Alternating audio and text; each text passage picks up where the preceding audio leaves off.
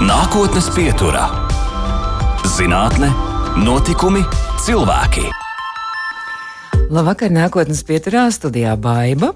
Un pavasaris arī neizbēgami tuvojas, un diennakts svaru kausā dienas garums jau drīz būs nosvēries par labu dienai un gaismai, un tuvojas arī 17. mārciņa, nu tieši pēc nedēļas, kad senču kalendārā iezīmēta kā ģertrūdas diena.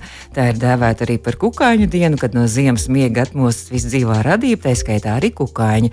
Un šoreiz nākotnes pieturā pievērsīsimies sugu skaitā visplašākajai grupai starp kukaiņiem un dzīvajām būtnēm vispār, kas veido ap 40 40% no visa kukaiņu sugu kopskaita. Tas ir vabolēm un pasaulē apzināts vairāk nekā 360 tūkstošu vaboļu sugu. Ar saviem atklājumiem šo skaitu papildinājis arī mūsu nākotnes viesis šī vakara viesis, entomologs Latvijas Universitātes Bioloģijas institūta eksperimentālās entomoloģijas un mikrobioloģijas laboratorijas un arī Daugaupils Universitātes dabas zinātņu un tehnoloģiju institūta vadošais pētnieks, bioloģijas doktors Dmitrijs Teļnovs. Labvakar! Labs vakars! Tad gribēju vaicāt, jā, 17. marts pēc nedēļas ir ģērtrots diena, nu, kad tās visi kukaiņi mostās un radība dzīvā. Kas šobrīd notiek Latvijas dabā? Varbūt, ka vaboles jau ir pamodušās, tik skaisti saulīt ir pēdējās dienās. Jā, nu, vabolītes jau um, viena otra ir aktīvas visu ziemu, neskatoties uz zemām temperatūrām. Aktīvi ir, uh, piemēram, um, dažādu koksne dzīvojuši vaboļu kāpuri, ja, kuriem uh, koksne varbūt tas temperatūras nav tik zemas arī ziemā, lai uh, nu, kaut kādu aktivitāti uzturētu, baroties un pārvietoties. Un uh, tiešām tā arī ir.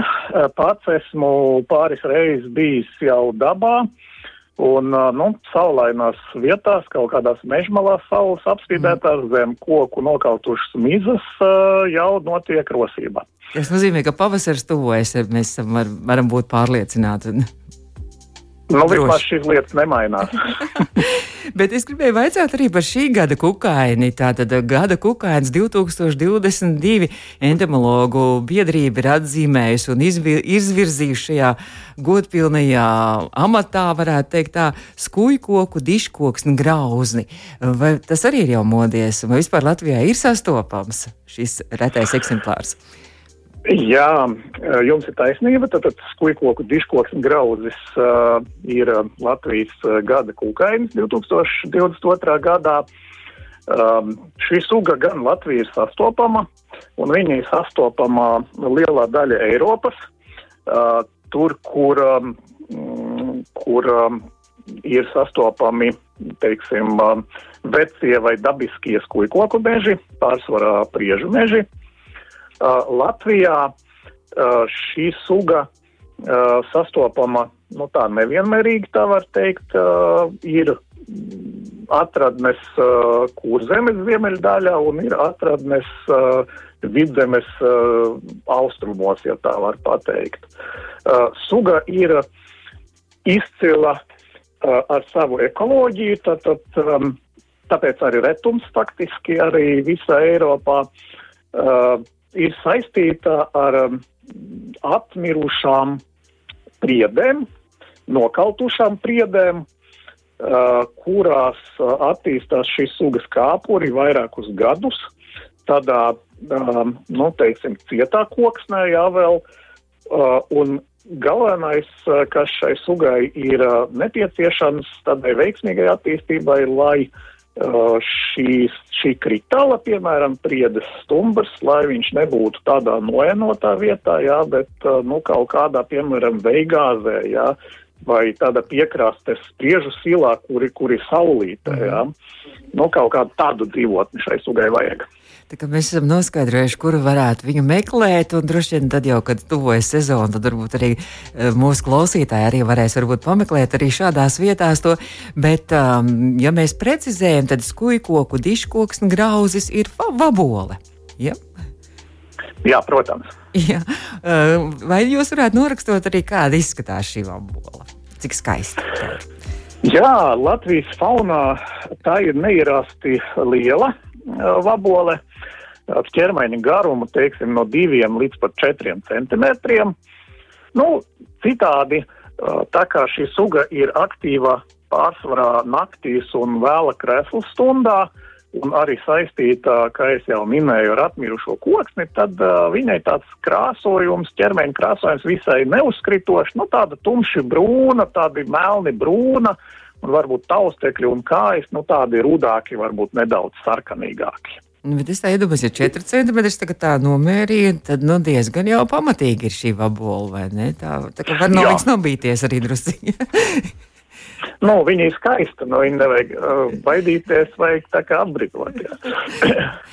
Runājot arī par um, šo diškoksnu grauzi, tad, uh, ja nemaldos, pirms kādiem gadiem 20 uh, tika izdot pašreizējā Latvijas sarkanā grāmata, un laikam toreiz informācija bija par šo vaboli visai niecīga, un laikam toreiz bija ierakstīta arī kā apdraudētā suga sarkanajā grāmatā, bet varbūt es maldos.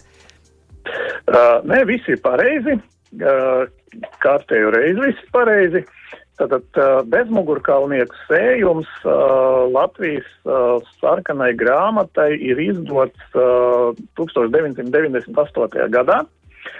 Un tiešām skūpstūku dižkoks grauzes tajā bija iekļauts nulles kategorija, jeb sugas, kuras uh, skaitās uh, izmirušas Latvijā.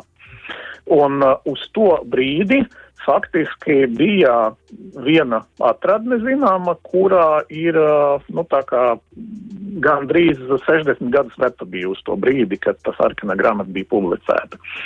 Kopš tā laikā, um, nu, īpaši pēc neatkarības atgūšanas, uh, vietēji zinātnieki strādājuši kārtīgi un daudz meklējuši šo sugu, un tagad mēs varam lepoties, ka, nu, protams, mums ir uh, vairāk par vienu atradni, Jā, un šī suga, nu, pilnīgi noteikti Latvija ir sastopama, tad nav izmiruši, bet uh, izmirusi, bet tomēr tai sugai, nu, zināmi draudi, tas, nu, pastāvēšanai ilgtermiņa Latvijā ir.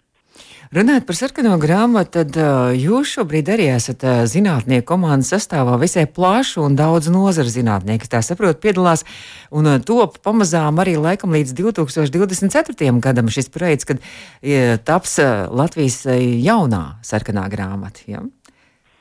Jā, tieši tā. Uh, šis jau ir otrs gads, kad turpinās uh, Eiropas finansēts LIFE uh, programmas finansēts projekts. Uh, proti mm, Latvijas jaunās sarkanās grāmatas sagatavošana, izdošana un arī um, Latvijas uh, oficiāli jeb likuma aizsargājamo dzīvnieku un augu sugu sarakstu aktualizēšanā. Un projekta tiešām piedalās vairākas institūcijas, gan Latvijas universitāte, gan Daugavpils universitāte, gan Latvijas ornitoloģijas biedrība, dabas aizsardzības pārvalde, uh, Un šis projekts, tātad vēl divi ar pus gadi mums ir priekšā, lai, lai eksperti no daudzām bioloģijas apakšnozarēm varētu novērtēt stāvokli, kāda ir Latvijas sastopamas gan, gan sēņu, gan augu, gan dzīvnieku sugas, un, un tā kā sagatavot uh, priekšlikumus uh, to sugu aizsardzībai, kuram, kuram draud briesmas pie mums. Ja mēs tā mazliet iezīmētu tieši jūsu tēmu, koleopteroloģiju par vabolēm, tad uh, vai kādas izmaiņas ir notikušas šo 20 gadu laikā, kopš uh, bijis iepriekšējā sarkanā grāmata? Jā, tas, kas nāk uh, prātā, droši vien uh, trīs svarīgas lietas. Tātad uh, pirmā lieta Um, ja 80. gadu, 90. gadu garumā mēs varējām vērot, um, piemēram, lauksaimniecības zemju aizaugšanu, nu tā kā parādījās vairāk krumāju vai jaunu mežu Latvijā, tad uh, pēdējos uh, 20 gados jā, mēs vērojam pretējo situāciju, tad, tad lauki aktīvi attīstās, vairs neaizaug, Tad uh, atklāta ainava platības nesamazinās, bet lauksaimniecība kļuvusi daudz intensīvāka. Tiek uh, gan, gan mēslojumi, gan visādas uh, ķimikālijas pielietotas diezgan liela daudzumā. Tad, protams, aktivizējas arī meža izstrāde. Uh, Latvijas meži sasnieguši, vai liela daļa to meža sasniedz tādu nu, briedumu vecumu, kurus, uh, kurā uh, tos uh, nu, ekonomiski visizdevīgāk droši vien cept un, un pārdot. Tad, notiek pārmaiņas uh, gan mežu vecuma struktūrā, gan arī nu, mežiem aizņemtas platības, teiksim, aspektā. Uh, vairāk kļūst nu, tādu jaunu mežu, jaunu augu, ja, un, un mazāk kļūst tādu dabiski vecu vai nobridušu mežu. Tas, kas man atbildot uz šo jautājumu, tā uzreiz nāk prātā. Mm -hmm. Un tas nozīmē, uh, kukaiņiem tas ir labvēlīgi, vai tas nav tieši labvēlīgi kukaiņiem un dažādām abolēm? Uh, nu, tā kā katram no mums uh, cilvēkiem ir uh, nu, kaut kas, kas patīk vairāk vai patīk mazāk, vienam paspēlēties uh, ārā pagalmā, otram pasēdēt mm. mājās pie datora.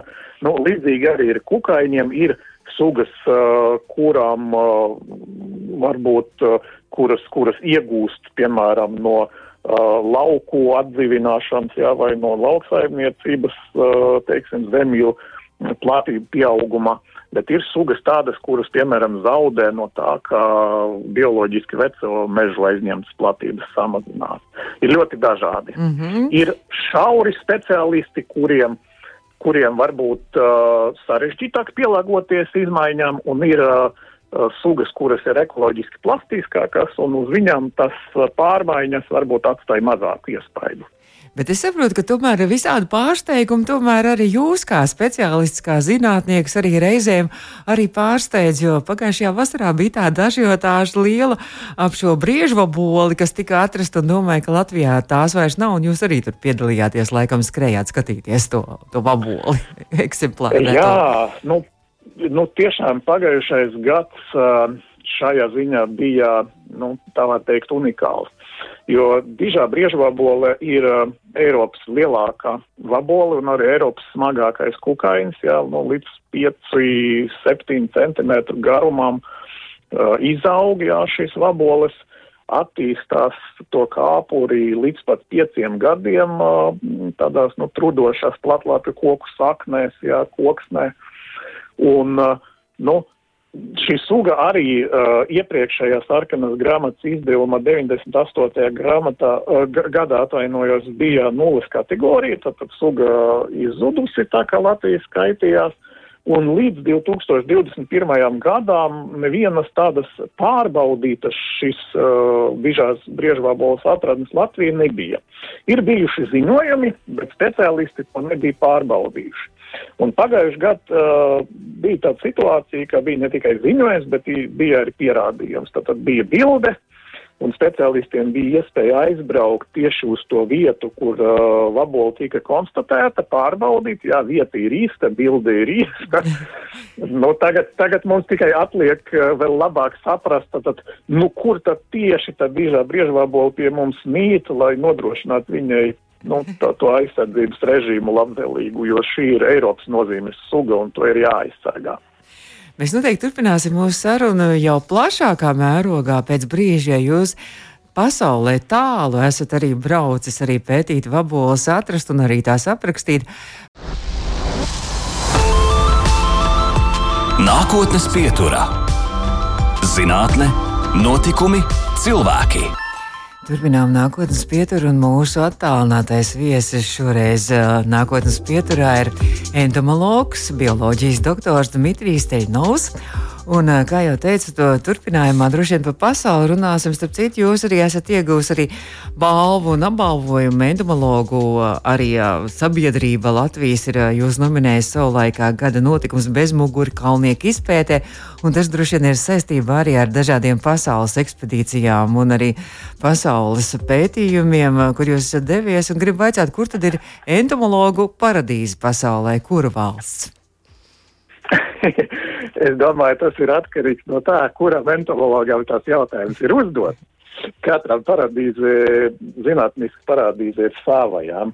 Man personīgi kaut kā nu, pie sirds tuvāk vai pie, pie tām nu, zinātniskajām interesēm, nu, tas reģions, plašs reģions starp Āziju un Austrāliju, tā, tas salu arhipelāgs plašais, uh, nu, un uh, no tā arhipelāga droši vien Jaungvinējas sala, um, kas ir, uh, nu, droši vien tā, tāda, nu, mežonīgāka vieta, uh, labā nozīmē, jā, mežonīgāka vieta uz zemes, kas ir palikusi, neskārtākā daba, un uh, nu, arī milzīgs potenciāls atklājumiem visās jomās, vēl ne tikai uh, entomoloģijā.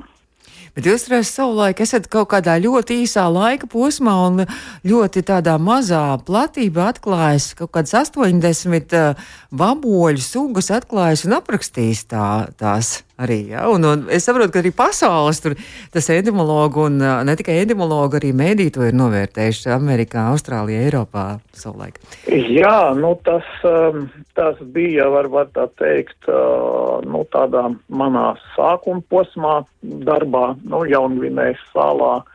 Um, tas nu, 80 sugas, gandrīz 90, bija 89, ja nemaldos. Uh, Jā, tas bija no vienas uh, konkrētas um, dzimtas, no ložņvāboļu dzimtas, jā, un no vienas gīns, no makratrija gīns, jā, un tas to padara, nu, tādu vēl nozīmīgāk. Tad no vienas nelielas grupas, um, nu, viena salīdzinoši neliela teritorija, kas ir, uh, nu, mazāk pa 0,1% no pasaules sauszemes uh, aizņemtas platības, jā, tad, tad atklātas. Uh, gandrīz 90 sugas eh, jaunu zinātnē ļoti īsā periodā. Bet tas arī, nu, tas, tas var teikt, uh, nu, bija tikai sākums un uh, nu, kopš tiem laikiem daudz un intensīvi šai reģionu strādājot, arī braukājot uh, un, un pašām pētot uz vietas mūža mežos un arī apstrādājot pasaules lielāko muzeju kolekcijas no tā paša reģiona, uh, nu, to jauno sugu, jaunu atklāto un manis, nu, ja tā var teikt, kristīto, ja nosaukto sugu skaits ir pieaudzis par 450 Oho. vai līdz 450, pareizāk sakot. Nu, tā bija, teiksim, um, nu, ne, negribētos lielīties, bet. Uh, nu, Droši. Nu, droši nē, bet nu, pasaulē, teiksim, tādu, uh, tādu, tādu līmeņu atklājumu pat, pat 20 gadu, teiksim, laikā salīdzinoši nedaudz. Un, nu, varbūt tur ir sava nozīme tai grupai, ar kuru es, nu, ikdienā zinātniski vairāk nodarbojos, ka tā ir tāda, nu, salīdzinoši mās pētīta, bet noteikti sava nozīme ir arī tam reģionam, kurā es mhm. strādāju, kur, kur pētnieki līdz šim bijuši ļoti maz dažādu iemeslu dēļ. Bet jūs esat bijis arī ne tikai šajā Papua Jaungvinijā, arī Āfrikas valstīs. Jūs esat eh, strādājis un pētījis Gabonā, piemēram, kas vispār tāda ārkārtīgi, nu, man liekas, ka nezināma un uh, tāda valsts, ko, ko es paskatījos arī, ka tas ir ekvatoriālā Āfrika. Pat nebija dzirdēta šāda valsts. Nu, jā, Gabona ir um, ļoti nozīmīgs ekonomisks partneris Eiropai, Francijai. Jā. Uh, nu, Francija tur joko, ka Francija bez Gabonas, ka mašīna bez dzinēja, jo lielākā daļa naftas, kas tiek izmantotas Francijā, nāk tieši no Gabonas.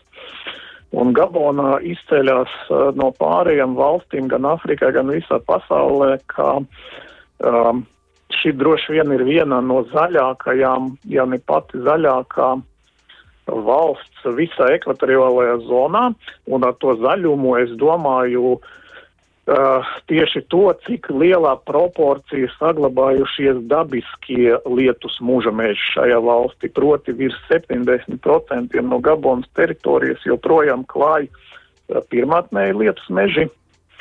Un tikai neliela daļa tiek uh, ekonomiski teiksim, tā izmantot vai eksploatēta. Un Gabona ir unikāla ar um, nu, ne tikai, teiksim, um, ar savu kukaiņu valstī, bet arī, nu, kā jau, kā jau ekvatoriālās Afrikas teritorija, arī ar visādiem lieliem zīdītājiem, piemēram, meža ziloņiem, jā, vai leopārdiem, vai lidzenam gorilam, vai šimpanzi, kurā, un visas šīs manas minētas sugas tur joprojām ir iespējams uh, brīvā dabā sastap redzēt. Uh, un pat ārpus uh, īpaši aizsargājumam dabas teritorijām. Tātad Gabonai visa cieņa, kā viņi, kā viņi tiek ar savas uh, dabas un pasaules mantojuma sargāšanu. Ah, jūs sakārdinājāt, man izklausās ļoti, ļoti intriģējoši. Bet sakiet, kā, kādā veidā bruņojies jūs dodaties? Nu, vai nav bīstam arī šajos mūžu mežos doties? Un, un, un pirmkārt, nu, pašu viedokļi, bet arī droši vien arī vēl kaut kāds bruņojums, kaut kāda medību ieroči. Es nezinu, es domāju, nu, par kukaiņiem, kaut kādi tauriņu ķeramie tīkli vai kā, kādā veidā jūs šos kukaiņus atrodat un meklējat. Nu, es domāju, ka klausītājiem varbūt uh, mazāk būs interesanti par to apbruņojumu pret kukaiņu, ar, ar kukaiņu ķeršanu dzirdēt, bet varbūt gribēsies kaut ko varbūt uh, no reālas dzīves, teiksim, uh, nu, uh, par to, tātad, kā tad tajās valstīs un tajos reģionos, uh, nu, vispār, teiksim, uh, Eiropietis var izdzīvot un kas, kas tur draud un tā tālāk. Uh, Nu, tur jāsaka tā, ka es neesmu nekāds ekstremāls, jā, un, un katra brauciena pamatmērķis tomēr ir atgriezties atpakaļ, jā, un atgriezties ar kaut kādu rezultātu. Un, un līdz ar ko, nu, ja, ja, ja mērķis būtu izdarīt kaut ko ekstrēmu, tad droši vien mēs tagad uh, vairs ar jums nerunātu. Uh, bet, uh, nu, jaunu Gvinēju vēl um, 19. gadsimta vidū uh, Uh, viens izcils uh, itāļu zoologs uh, Albertīs raksturoja šādiem vārdiem, ka ir vieglāk ar spieķi rokā šķersot Eiropas alpus nekā uzkāpt neliela kalna Jaungvinējā. Un tas teikums faktiski paskaidro visu. Šī valsts ir, nu, ne, nevis valsts, bet šī sala ir um, sarežģīta no dažādiem aspektiem, gan klimats, gan, gan reliefs, Uh, gan arī cilvēki. Un cilvēki uh, ēdāji, man liekas, arī, ne? Nu, tas, tas jau bija kaut kādus gadus 50 atpakaļ, protams, jā, bet, nu, tie cilvēki tādā ziņā, ka uh, šī ir uh, papuāsi, tātad melanēzieši, kas, uh, un austronēzieši, kas apdzīvo Jaungvinēju, faktiski visi ciltis ir cieši saistīts ar mežu, Mežs tātad ir īpašums, nu, nezinu, tur tā var teikt kaut kādas, nu, neliela ciemata īpašums vai tā tālāk, un viņš ir sadalīts starp ciltīm tas mežs, un tad mežs vienmēr kādam pieder, jā. Un pirms tu ej kaut kur mežā, tev, protams, ir jāatrod īpašnieki, jāatrod tāds cilts un tas ciemats un jāsarunā atļaujas un jāsarunā vietēji palīgi, kas ar tevi nāks un uh, Nu, mm -hmm. un, un tad, protams. Ka pavadoņi it kā, jā. Jā, jā, jā, un tad, protams, viss būs labi, bet ja tu to dari tā uz dolu, atbrauc, paņem tīkleņu un skrien uz mežu, jā, nu tad, uh, nu, skukaiņus tu noķersi, bet arī būtu var dabūt uh, krutīs. Mm.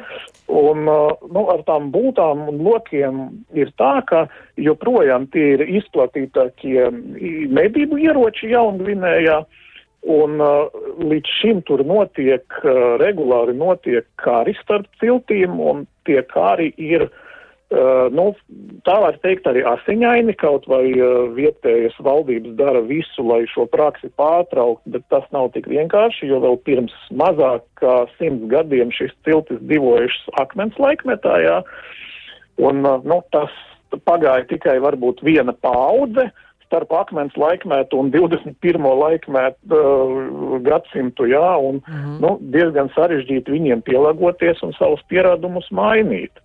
Nu, un kā tādu, nezinu, piemēru iedvesmojošu vai, vai otrādi, ja tādu varbūt šausminošu, nu, var tādu pastāstīt uh, notikumu, uh, ka viena mazā kalnu ciematā, Arfāk kalnos, Uh, nu, sēžu, aicināja mani pārnakšņot vienā vietējo papuāsu ģimene, tad, tad vīrs un sieva, sēžām viņā, nu, mā, par māju to nevar nosaukt, būdā, ja, mm -hmm. tad uh, ugunskurs deg, ja, starp mums uh, ogl, oglis tur deg, ja, un, nu, es uh, tā kā runāju ar uh, ar, eh, nu, ar vietēju kolēģi palīdzību, kurš man to daļu, ko es nesaprotu, pārtulko.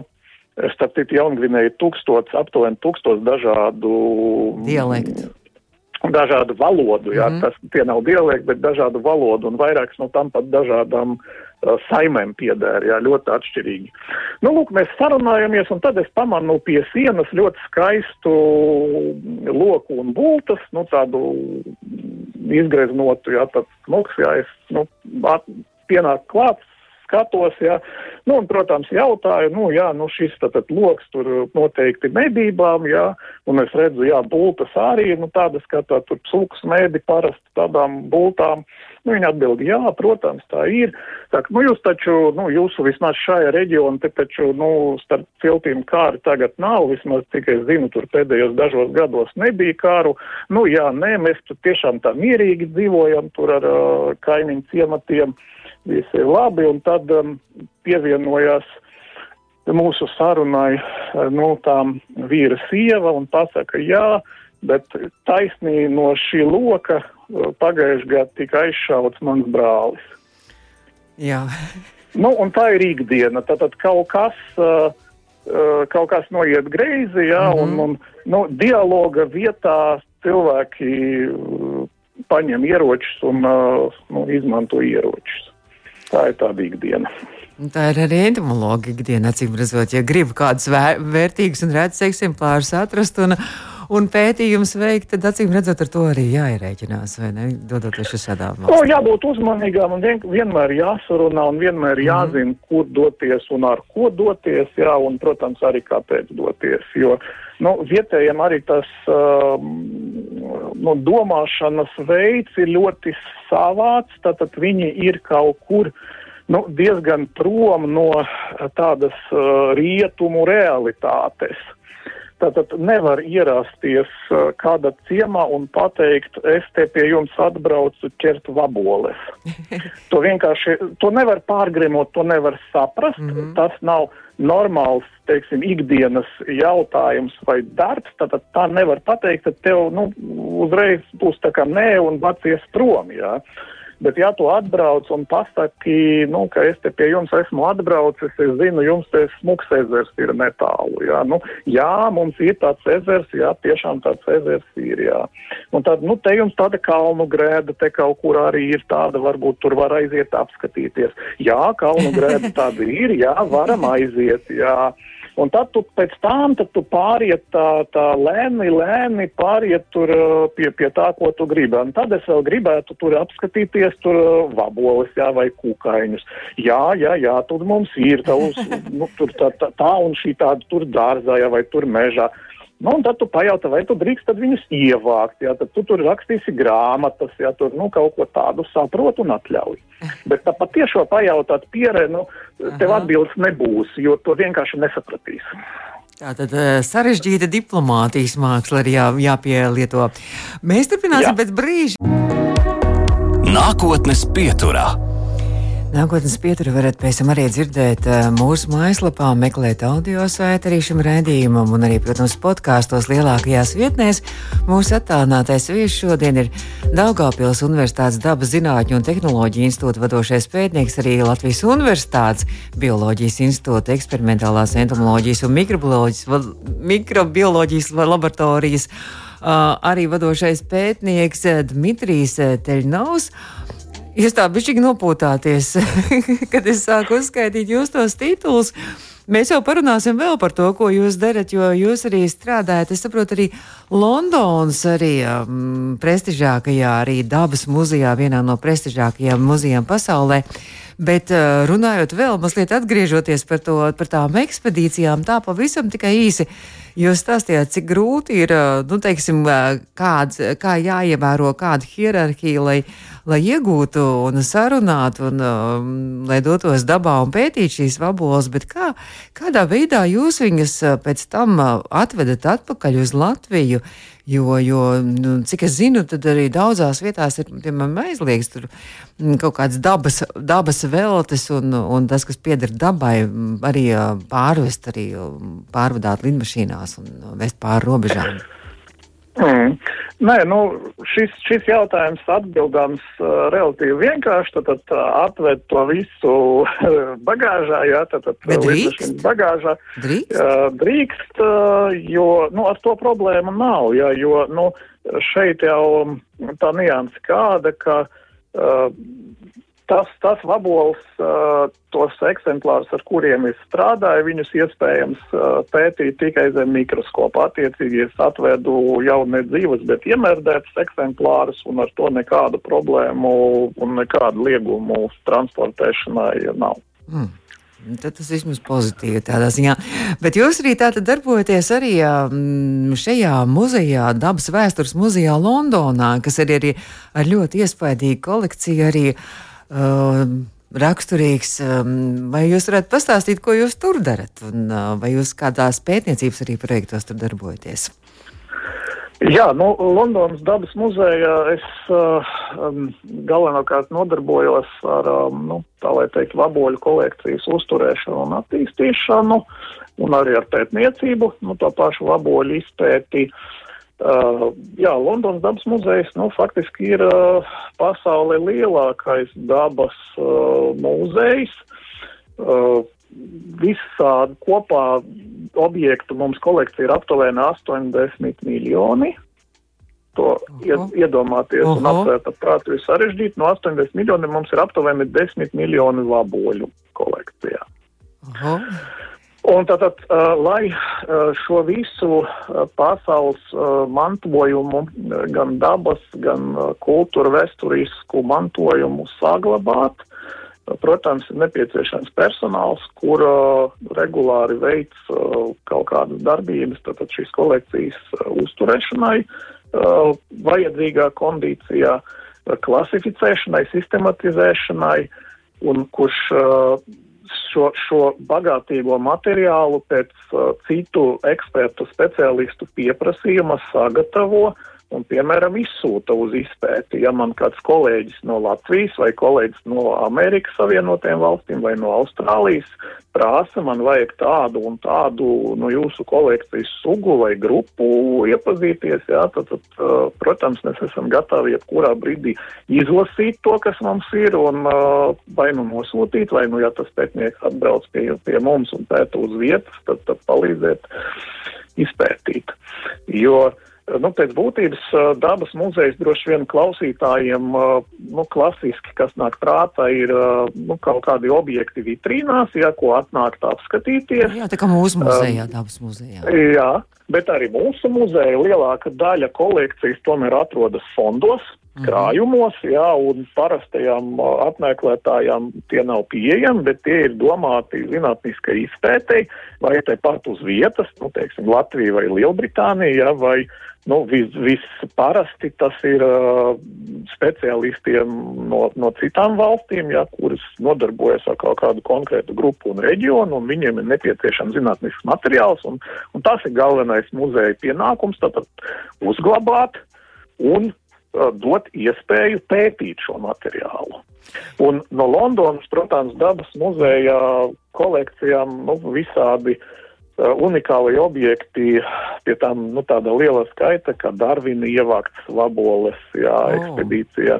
Darvins jau arī bija kolektorologs no sākuma, starp citu. Viņš jau no sākuma kolekcionēja vaboles, un, un no vabolēm tieši, tieši apstrādājot vaboles un, uh, teiksim, uh, izpētot to līdzību, Un, un tās atšķirības, kas uh, dažādām sugām un grupām ir, viņam sāka tā ideja par evolūcijas teoriju parādīties galvā. Alfreds Rasels Voles, uh, pasaules slavens biogeogrāfs un zoologs, viņš arī bija sācis ar vabolēm. Uh, Londonas dabas muzejas kolekcija, piemēram, Livingstona ievāktas vaboles no Afrikas ekspedīcijiem, tad visādi uh, viss vis pasaules mantojums, gan vēstures, gan kultūras, gan dabas uh, šai muzejai ir ir pieejams un, un tiek uzglabāts un tiks uzglabāts nākamajām paudzēm. Droši vien arī daļa no šīs kolekcijas ir apskatāma, tā kā mēs varam ieteikt mūsu klausītājiem, ja kādreiz dosies uz Londonu, tad noteikti ir vērts iegriezties arī dabas vēstures muzejā Londonā.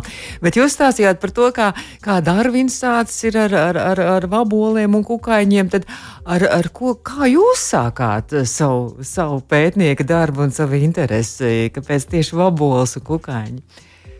Jā, paldies par šo jautājumu. Es vēl turpināšu ļoti īsi par iepriekšēju. Tātad ieeja dabas vēstures muzeja Londonā ir pa brīvu. Tas ir svarīgi. Brīnišķīgi. Un, un uh, par to, uh, kā nu, jā, šādu jautājumu uzdot un uzdeva bieži gan draugi, paziņas, gan arī radinieki un arī žurnālisti. Nu, tātad, nu, tātad kā, nu, kā tas viss ir sācies, un es vienmēr atbildu ļoti vienkārši. Nu, uh, Uh, nevis es izvēlējos vabolus, bet viņi man izvēlējās. Uh, nu, kaut, kā, nu, kaut kā tas ir uh, no, no tādas nu, relatīvi agras bērnības, cik es sevi atceros, rakņājoties vecmācas dārzā, tepat pierīgā cekulē. Uh, vēl pirms skolas, jā, nu, visas uh, atrastas uh, vabolītes, skrejvabols vai, vai labgrauši, lai necernieks vajadzēja vienmēr ielikt burkā, jā, un vērot, uh, ko, ko viņi tur tālāk dara, kā tur viņi pārvietojas vai barojās. Un uh, savu pirmo, nu, ja tā var teikt, kolekciju, kukaiņu kolekcijas, jā, sāku veidot, nu, sešu gadu vecumā. Aha. Nu, protams, protams, neprofesionāli, jā, bet, nu, savācot, redzot uz ielas kaut kur Rīgā beigtu vabolu, viņi vienmēr tika paņemta līdzi un pierakstīts, no kurienes tā ir un aizmest mājās. Un, protams, toreiz nebija ne izpratnes par to, kā tas jādara un kur tas jāuzglabā un tā tālāk. Bet droši vien nu, tas uh, nozīmīgākais stimuls uh, nu, tādai nu, dziļākai interesēji uh, tieši par kukaiņiem bija viens no pirmajiem braucieniem Krimā. Toreiz vēl Ukrainas PSR, jā, Krimas pussalā 81. gada vasarā.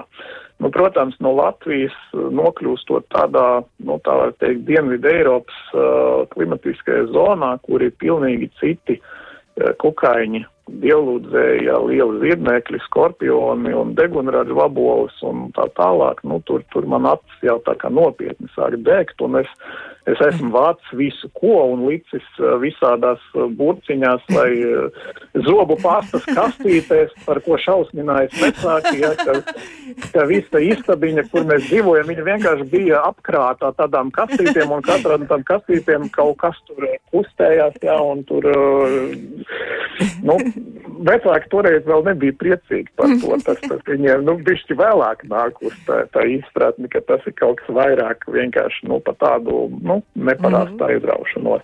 Bet, nu, kaut kā, jā, caur to visu nonāca arī pie vaboliem un nonāca arī konkrēti pie atsevišķam vaboļu dzimtām, pie tām pieminētām ložņu vaboliem vai mēlnuļiem arī, ugunsvaboliem, nu, tādas dzimtas, kuras um, es arī apstrādāju, un, nu, tā tādā, nu, teiksim, pasaules līmenī jau daudzus gadus. Man jāsaka liels paldies, ka jūs atradāt laiku arī eh, pastāstīt uh, tik interesants stāstus gan par ekspedīcijām, gan arī par vabolēm.